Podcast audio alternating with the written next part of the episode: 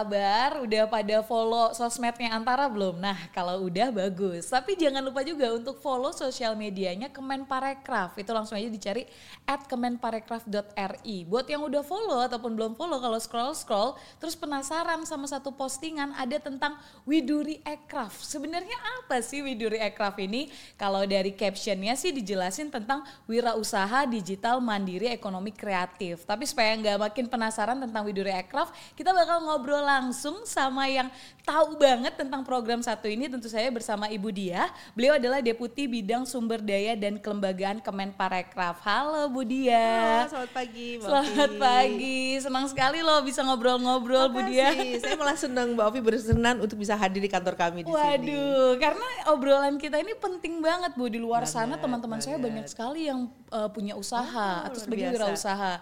Sempat nanya-nanya juga, ini ada program baru nih kayak dari Kemenparekraf, Widuri Ekraf. Mungkin Bu Dia boleh cerita nih, sebenarnya apa Widuri Boleh, Ekraf? boleh. Aduh dengan senang hati ini karena ini juga ka- kami perlu untuk mensosialisasikan ya terkait dengan Widuri ini. Jadi kegiatan Widuri ini adalah salah satu kegiatan capacity building untuk SDM khususnya di bidang aircraft yang kami fasilitasi dari Kemenparekraf untuk bisa menaikkan eh, apa namanya UMKM supaya, naik kelas. Jadi ini salah satu program dari upskilling kami.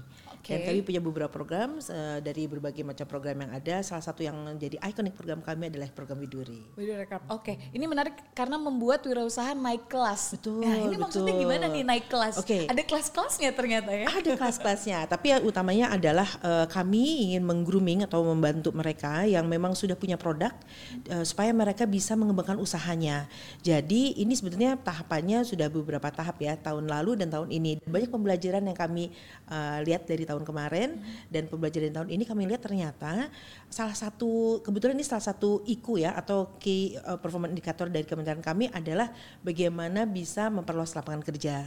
Nah, kami melihat bahwa sebetulnya banyak sekali local champion, pengusaha-pengusaha yang sudah ber- melakukan produksi, baik produksi eh, barang maupun jasa.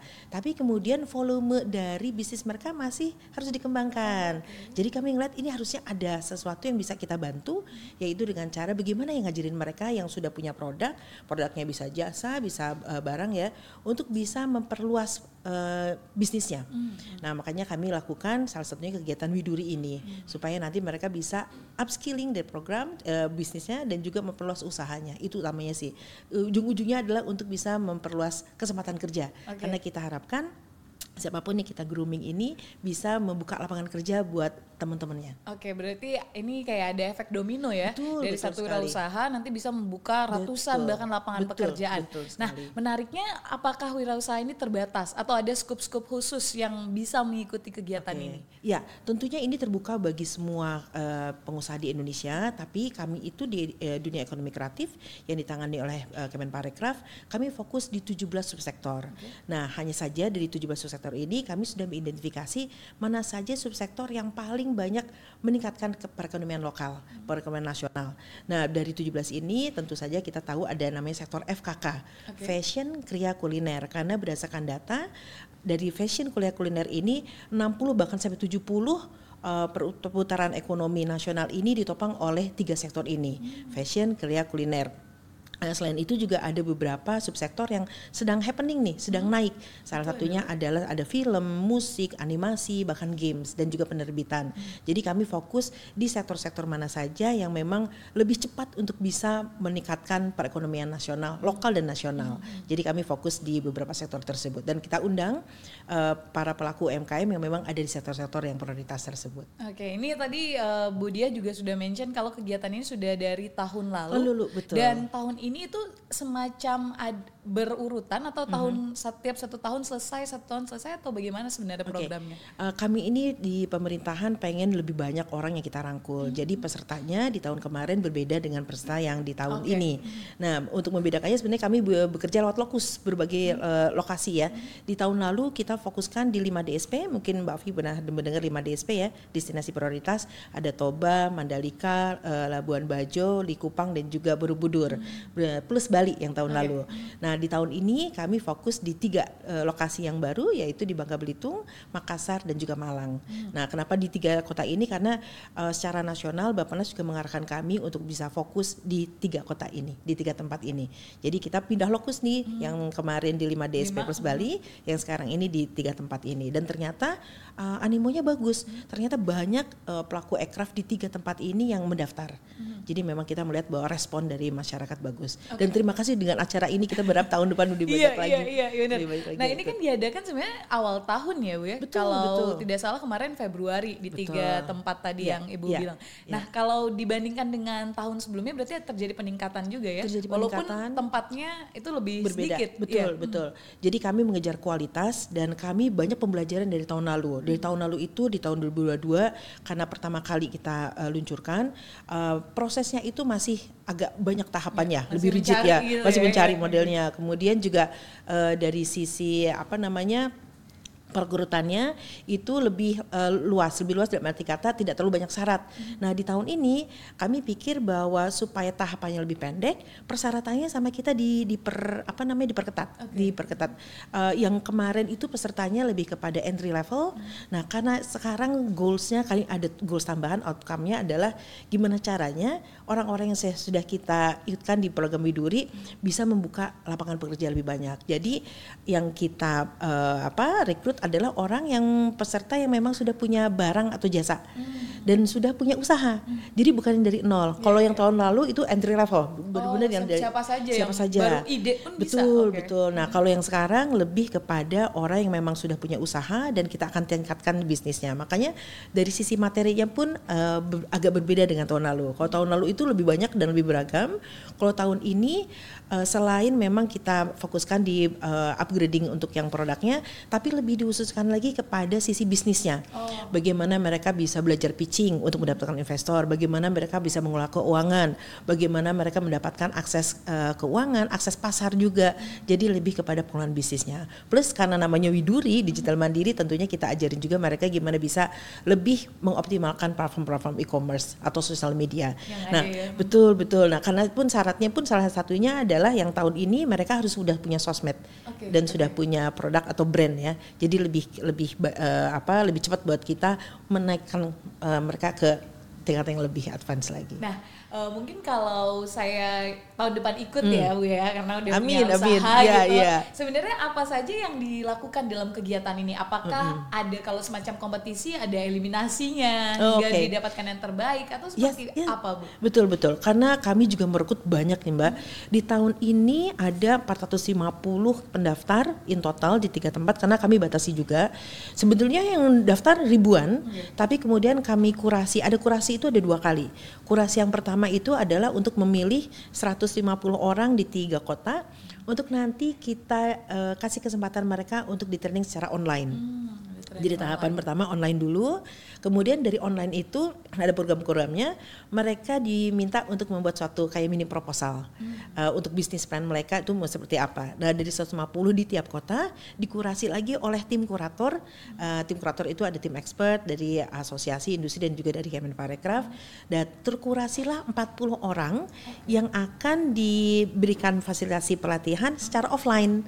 Jadi yang tadinya online 150 yeah. kita undang di tiga tempat tersebut adalah 40 40 40 untuk diberikan uh, workshop on secara uh, offline. Okay. Jadi mereka dikasih dan dipertemukan langsung oleh para narsum. Hmm. Gitu narasumbernya. Jadi pembekalannya itu lebih langsung dan ini juga uh, pengalaman dari tahun 2022 banyak yang ngeluh kok cuma sebentar sih pelatihannya uh, sebenarnya juga memang nggak lama-lama ya 3 sampai lima hari oh. tapi ya mereka bilang masih kurang nah yeah. ini yang kita lihat ya nanti dari resource-nya kalau memungkinkan lebih panjang lagi uh-huh. karena kami juga belajar bahwa untuk bisa mengupskillingkan uh, tenaga-tenaga UMKM memang perlu pendampingan dan pendampingan itu nggak bisa berentan nggak yeah. bisa cuma sekali terus kita tinggalin memang perlu proses dan perlu terus ada pendampingan tapi memang dengan kekuatan resource yang kami punya saat ini kami konsep inilah yang bisa kita hadirkan untuk yang tahun 2023. Jadi oh. online dulu, hmm, uh, kemudian offline. offline. Nah, ya betul juga. betul. Nah dari offline ini juga nanti akan terpilih yang terbaik karena kami uh, ingin uh, sustain ya. Jadi setelah Widuri ini kami tidak ingin si orang-orang ini bingung terus kami ke mana nih, ngap, kami ngapain. Nah nanti mereka ini akan kita fasilitasi juga untuk bisa ditemukan dengan calon-calon investor. Oh, Karena kebanyakan dari mereka untuk mengembangkan bisnis mereka butuh investasi. Hmm. Nah karena itu uh, diperlukan injection dari para investor. Mereka belajar untuk membuat pitching, pitching deck. Nah hmm. nanti uh, ada unit di kedeputian sebelah yaitu kedeputian investasi di dan uh, apa namanya industri. Mereka ada yang bertanggung jawab untuk bisa memfasilitasi tentang pembiayaan. Nah dari si peserta ini yang terpilih akan kita berikan datanya ke teman-teman di unit yang pembiayaan untuk nanti diperkenalkan kepada para investor. Hmm. Nanti kalau sudah matang dapat investor, kita akan bawa teman-teman yang berhasil ini ke unit pemasaran untuk nanti dipromosikan. Karena kami juga punya beberapa platform ya, ada on media kami, nggak cuma yang Kemen Parekraf, tapi juga ada yang Pesona Indonesia, ada yang Kreatif uh, Indonesia, dan juga ada yang Wonderful Indonesia. Nah itu kita promosikan, plus nanti kita juga bisa uh, berkolaborasi dengan berbagai pihak untuk bisa memberikan akses pembiayaan dan juga promosi kepada teman-teman UMKM ini. Jadi ini programnya sustain. Widuri ini kayak program awalnya, iya, nanti iya. kita akan berlanjut. Kalau yang tahun lalu berarti teman-teman juga juga sama nanti ya, ada yang betul. Udah, dan itu sudah mereka sudah, sudah bertemu sudah. investor. Hmm. Ya, ini dalam uh, proses karena baru selesai tahun 2022, okay. tahun 2023 ini kita lagi, lagi apa penjajakan untuk menemukan investor dikawal oleh teman yang unit tadi unit yang uh, investasi dan uh, industri dan mereka yang tahun 2022 juga kita ajak untuk uh, ikut pameran. Hmm. Kami punya acara G20 tahun lalu, ya, kemudian ada ATF di awal tahun ini uh, KTT dan juga. KTT juga. Hmm. Nah mereka ini yang terpilih kita undang untuk jadi peserta. Jadi kita juga pengen showcasing kepada oh. para delegasi dari dalam dan luar negeri untuk ini loh hasilnya gitu. Jadi ini buat mereka juga seperti kayak uh, apa insentif ya. Hmm. Mereka dikasih recognition bahwa ini loh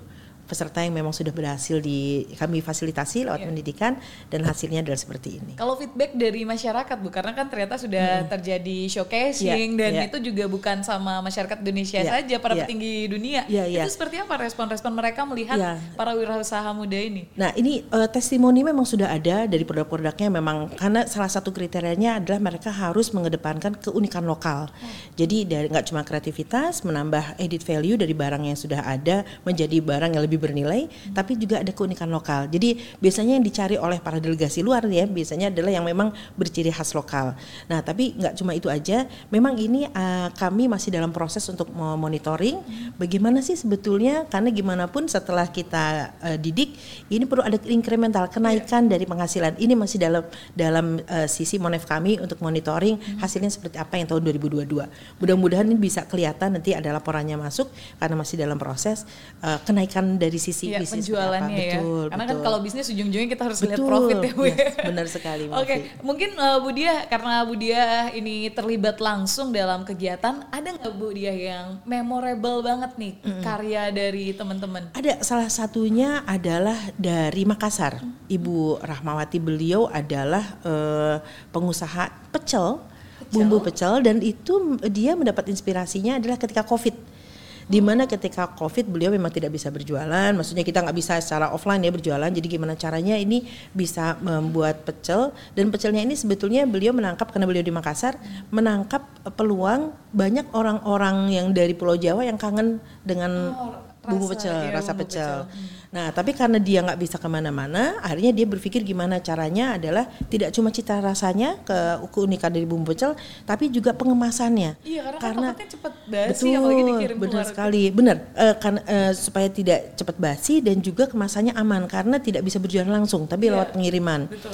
Dan beliau juga sangat memanfaatkan uh, platform digital untuk bisa menjual si produknya ini. Hmm. Dan salah satunya adalah beliau bagus karena uh, dia sudah punya tim tim pemasaran, tim produksi. Timnya sangat kecil tapi sangat efektif dan kami melihat bahwa ini model contoh model bisnis yang sangat bagus hmm. dari sisi UMKM. Produknya produk lokal, unik dan kemudian cara penjualan penjualannya juga sudah mulai menggunakan platform digital. Hmm. Jadi memang uh, kami ini dapat dari Widuri ini adalah local champion local champion yeah. yang harapannya bisa menginspirasi teman-teman yang lain. Hmm. Karena memang harapannya adalah kami uh, tidak hanya mereka yang kita didik yang kita fasilitasi, tapi justru teman-teman yang lain ini juga bisa mengembangkan belajar dari apa yang sudah dikembangkan oleh teman-teman yang kita fasilitasi. Wow, pecel ya yang ternyata memorable ya. sekali. Ya, saya juga penasaran nanti saya mungkin akan browsing ya, ya tentang ya, bumbu pecel, pecel itu. Ya. Nah, uh, Bu Dia, kalau kita tahu jika menjalankan sebuah program ini butuh mm -hmm. kolaborasi selain intern yang dilakukan oleh Kemenparekraf, mm -hmm. apakah ada juga melibatkan kementerian-kementerian lain? Karena ini ya. kan berhubungan juga dengan uh, eh, UMKM apakah ini juga betul. berkolaborasi dengan koperasi atau seperti iya, apa? Iya, ya, betul. Jadi yang kami jajaki ini sebenarnya kolaborasi termasuk dengan Kominfo. Terima hmm. kasih ini Kominfo dengan teman-teman antara bisa mengamplifikasi kegiatan ini. Tentunya kami nanti akan berkolaborasi sekarang memang masih di internal Kemenparekraf, hmm. hmm. tapi kami juga uh, tidak menutup uh, kemungkinan untuk kolaborasi tidak hanya dengan KL tapi juga dengan corporate. Karena ternyata corporate-corporate pun banyak yang punya minat untuk bisa menjadi bapak asuh okay. bapak atau ibu asuh untuk para UMKM. Dan ini juga kita akan memanfaatkan jalur seperti BI, uh, eh, Kemenko uh, apa namanya tadi koperasi dan UMKM yang memang punya jalur-jalur khusus untuk bisa memperluas uh, jaringan khususnya buat pemasaran dari produk-produk teman-teman UMKM ini. Ya, uh, kalau kolaborasi sudah ada, tentu saja ini akan membuat peserta semakin semangat ya, Betul. karena ini membuka juga dengan sub-sub sektor yes, uh, yang yeah, lain. Yeah. Nah, Budia mungkin tadi ada yang terlewat adalah tentang peserta sendiri. Hmm. Selain mempunyai bisnis, apakah ada kriteria khusus bagi mereka yang akan mengikuti atau ingin mengikuti kegiatan ini? Ya, mereka sudah punya uh, apa namanya produk atau brand, mereka sudah punya usaha, tidak harus besar tapi sudah punya usaha kecil uh, dan mereka juga punya tim Uh, selain itu juga umurnya memang rentangnya adalah hmm. antara 17 ini sampai lima 50 ya. Okay. Karena kita pengen yang dibatasi ya. ya. Okay, okay. Yang bukan kami ingin menutup kemungkinan buat yang apa senior tapi ini yang generasi muda yang kita ingin dorong untuk bisa menjadi entrepreneur-entrepreneur. Selain itu juga kita menginginkan mereka sudah punya uh, sosmed atau akun hmm. bahkan punya akun di e-commerce. Jadi lebih mudah. Kita nggak harus ngajarin dari awal tapi lebih memberikan peluang yang memperbesar mengoptimalisasi platform digital yang sebetulnya mereka sudah mulai masuk tinggal kita optimalkan bagaimana cara-caranya untuk bisa memperbesar bisnis mereka. Oke, Bu Dia, mungkin juga ini untuk bayangan bagi teman-teman nanti ke depannya karena tadi kan di sini selain ada uh, pertemuan dengan investor hmm. atau membantu usaha, ada pembekalan yang hmm. dilakukan oleh expert. Mungkin hmm. boleh dijabarkan sebenarnya contoh-contohnya siapa saja ya, yang terlibat? Uh, banyak sekali expert dan tentunya yang kita pakai sekarang adalah di beberapa subsektor ya. Uh, dari sisi gastronomi untuk yang kuliner itu kita menggandeng Ibu Vita Datau. Hmm. Kemudian juga ada uh, beberapa yang memang uh, pakar-pakarnya. Jadi masing-masing subsektor itu di, uh, diwakili oleh para expert.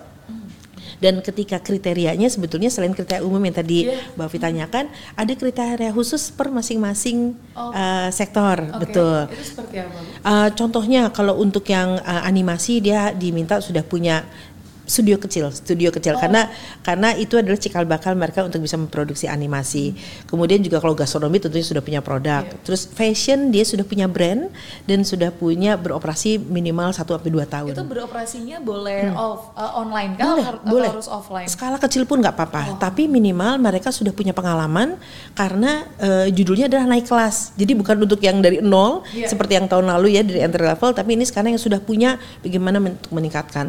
Ujung-ujungnya sih gimana caranya tidak hanya meningkatkan bisnis mereka tapi dengan makin besarnya bisnis mereka mereka bisa membuka peluang tenaga kerja, lapangan kerja. Itu sebenarnya goal akhirnya adalah di situ dengan membuka lapangan kerja dan akhirnya uh, apa namanya memberikan dampak yang bagus untuk uh, secara uh, sosial ya, ekonomi dan sosial di di tempatnya mereka berada. Ya, gitu. membahas tentang lapangan kerja sebenarnya hmm. ada target juga ini dari ada. Bapak Menteri ya, ya terkait program Widuri Aircraft yaitu membuka sekitar 4,4 juta lapangan pekerjaan. Ya, Kalau betul. sejauh ini dengan berjalan dua tahun seperti apa perjalanannya? Okay. Sebetulnya target ini target yang besar ya hmm. dan itu secara nasional nasional dan Widuri ini adalah uh, salah satu upaya yang bisa mengkontribut ke sana. Dan kami membuat simulasi di tahun kemarin ada 120 yang kita rekrut, yang kita fasilitasi pendidikan, kemudian tahun ini 120.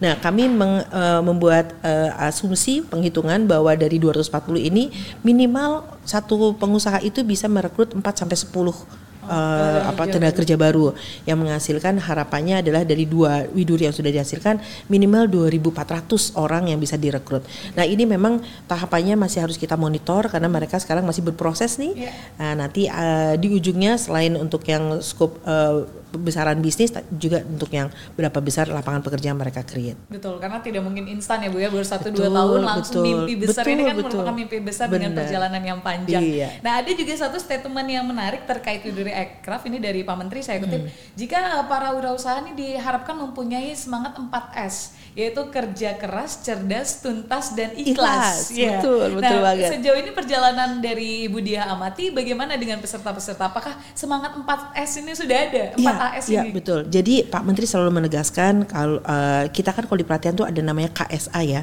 KSA itu adalah pembekalan secara knowledge, pembekalan secara, secara skill dan pembekalan secara attitude. Nah, kami melihat bahwa secara knowledge dan skill banyak peluang mereka untuk belajar di tempat lain.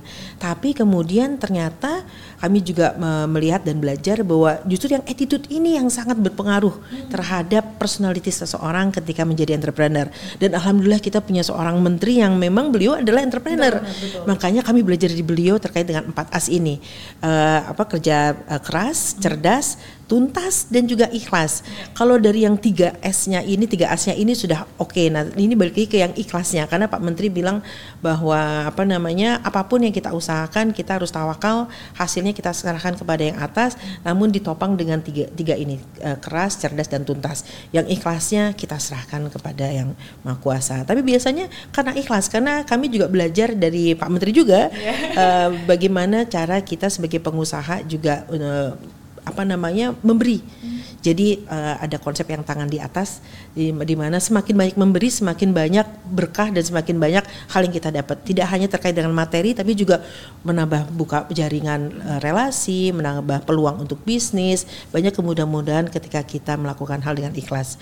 Di kita juga di uh, meskipun kami bukan entrepreneur ya, yeah, kami yeah. lebih kepada ASN, kami juga merasakan begitu Pak Menteri bilang uh, kerja dengan Pak As kerasa loh Mbak dengan iya. banyaknya yeah. apa namanya melakukan uh, pekerjaan secara ikhlas banyak kemudahan yang kita dapatkan tanpa kita sadar begitu oh ya kok ada jalannya ya ada jalannya memang konsepnya konsep luar biasa empat as ini dan ini memang harus dibangun juga semangat Sangat. kewirausaha Betul. karena kalau dilihat dari rentang usia 17 sampai 50 ini kan bagaimana usia-usia mereka masih ego ya Bu Dia ya, berarti ya. ada pembelajaran terkait kepemimpinan oh, iya, betul. leadership atau seperti iya, apa iya sangat Mbak jadi sekali selain untuk uh, apa nih pembekalan secara konsep bisnis ada pembekalan manajerial terkait dengan creative thinking critical analysis, bagaimana tentang leadership, bagaimana tentang communication itu diberikan di di materi-materi pembekalan. Karena kami tahu bahwa untuk menjadi entrepreneur juga perlu hal-hal seperti itu. Jadi ada soft skill yang tidak hanya hard skill ya untuk yang produk segala macam, tapi juga untuk soft skill. Dan soft skill ini justru yang bisa membentuk uh, seseorang menjadi entrepreneur. Yeah. Gitu. Dan kita yakini atau kita percaya jika ke depan akan lahir entrepreneur-entrepreneur luar biasa, amin, amin. terutama lokal champion yes, tadi ya Bu Dia. Betul, Bu Dia, mungkin boleh di sharing juga ke sobat Antara ini terkait programnya sendiri untuk mm -hmm. tahun 2023 ini mm -hmm. seperti apa Mat? Uh, sudah ber, uh, stopkah untuk pendaftaran karena sudah berjalan okay. pelatihan yeah. atau bagaimana atau nanti ke depannya informasi lebih lanjut bisa diupdate ke mana? Oke, okay. jadi belajar di tahun 2022 di akhir tahun 2022 kami sudah membuat konsep tahun 2023. Jadi per Januari Januari kita sudah uh, koordinasi dengan para narasumber, berbagai pihak yang terlihat, terlibat uh, untuk yang pembuatan konsep dan di bulan Februari kita umumkan open call. Okay, nah, Februari ya betul oh, Februari itu sebenarnya udah open call. Dari open call itu banyak sekali yang masuk dan dipilihlah oleh para uh, narasumber dan para expert ini 450 orang, 150 per uh, kotanya. Yeah. Kemudian yang akhirnya dipilih untuk mengikuti pelatihan online. Nah, jadi sebetulnya kick off-nya sendiri mulainya itu di uh, awal Maret kita cepet banget nih yeah. karena dulu-dulu kalau pemerintah mungkin mulai kegiatan ini bulan April ya. Yeah, tapi sejak biasanya. ya sejak sejak apa apalagi Pak Sandi ini pengennya 3G ya gercep uh, geber gercep sama gaspol. Beliau mintanya cepet makanya perencanaan dilakukan tahun sebelumnya di akhir tahun 2022 Januari itu kita sudah jalan hmm. Maret kita open call di bulan eh sorry uh, Februari kita open call Maret sudah mulai uh, kick off. Jadi diresmikan langsung, di brief langsung oleh Pak Menteri dan itu mulai pelatihan online terus kemudian dikurasi terpilihlah uh, ada 40 orang tiap kota dan pelatihan yang offline juga kemarin sudah kami lakukan. Oh, Ya berarti kemarin sudah di- sudah sudah di ya? bulan Mei. Nah, harapannya targetnya justru kami Juni ini sudah mendapatkan local local champion tersebut untuk nanti kami serahkan ke teman-teman di unit investasi dan industri supaya segera mendapatkan fasilitasi untuk akses pembiayaan. Karena ujung-ujungnya itu sebetulnya adalah mereka mendapatkan em, perlu apa memperbesar peluang bisnisnya melalui dapat investor Iya, investor. untuk nanti mereka bisa membuka lapangan kerja yang lebih luas lagi. Oke, berarti Juni targetnya baru nanti bagaimana monitoring monitoringnya Betul, ya. betul, Hmm. gitu. Terus ke depannya nanti akan di kick off lagi, balik lagi bulan Yes, Maret. Berarti untuk betul. teman-teman wirausaha ini persiapan dari awal tahun ya, Ya, untuk ya, selalu ya. update mengenai Betul. kegiatan Widuri Widuri, Aircraft. ya. Luar biasa sekali Bu Dia. Mungkin harapan tentu saja dan juga target dari Widuri Aircraft mungkin selain membuka lapangan pekerjaan, apakah ada target jangka pendek atau jangka panjang yang ingin Ya, dicapai? jangka pendek dan sebenarnya jangka panjang adalah kami ingin mencetak banyak sekali lokal-lokal entrepreneur uh, yang bisa menginspirasi. Jadi kami sangat belajar bahwa uh, orang Indonesia itu banyak melihat perlu success story. Perlu contoh sukses dari seseorang yang bisa menginspirasi mereka dan mereka bisa melakukan upaya-upaya yang seperti yang sudah dijalankan tapi dengan hal yang relevan yang mereka kembangkan. Jadi kami goalsnya adalah semakin banyak entrepreneur di Indonesia yang akhirnya dapat menciptakan lebih banyak lagi lapangan kerja. Ya, Itu harapannya. lapangan pekerjaan, goals 4,4 juta Iya. lapangan pekerjaan. Amin. Kita harus 3G ya, atau seperti Pak Menteri Iya. supaya terlaksana iya. semua. Gercep geber gaspol. Gercep gerber dan juga Dan gaspol. gaspol. Terima kasih Bu Dia, Sama-sama, terima kasih, menyenangkan Mbak sekali terkait Widuri Aircraft. Tentu saja ini memberikan insight ya kepada sobat Amin. antara yang mungkin punya bisnis dan ingin naik kelas. Amin. Program Widuri Aircraft dari Kemenparekraf RI ini menjadi salah satu eh, jembatan untuk teman-teman semua khususnya para wirausaha muda. Dan jangan lupa sobat Antara untuk bisa mengakses semua informasi lebih lanjut sekali lagi bisa di kemenparekraf.ri dan juga jangan lupa untuk saksikan plus mendengarkan episode lainnya di podcast Antara. Sampai jumpa di episode lainnya. Bye.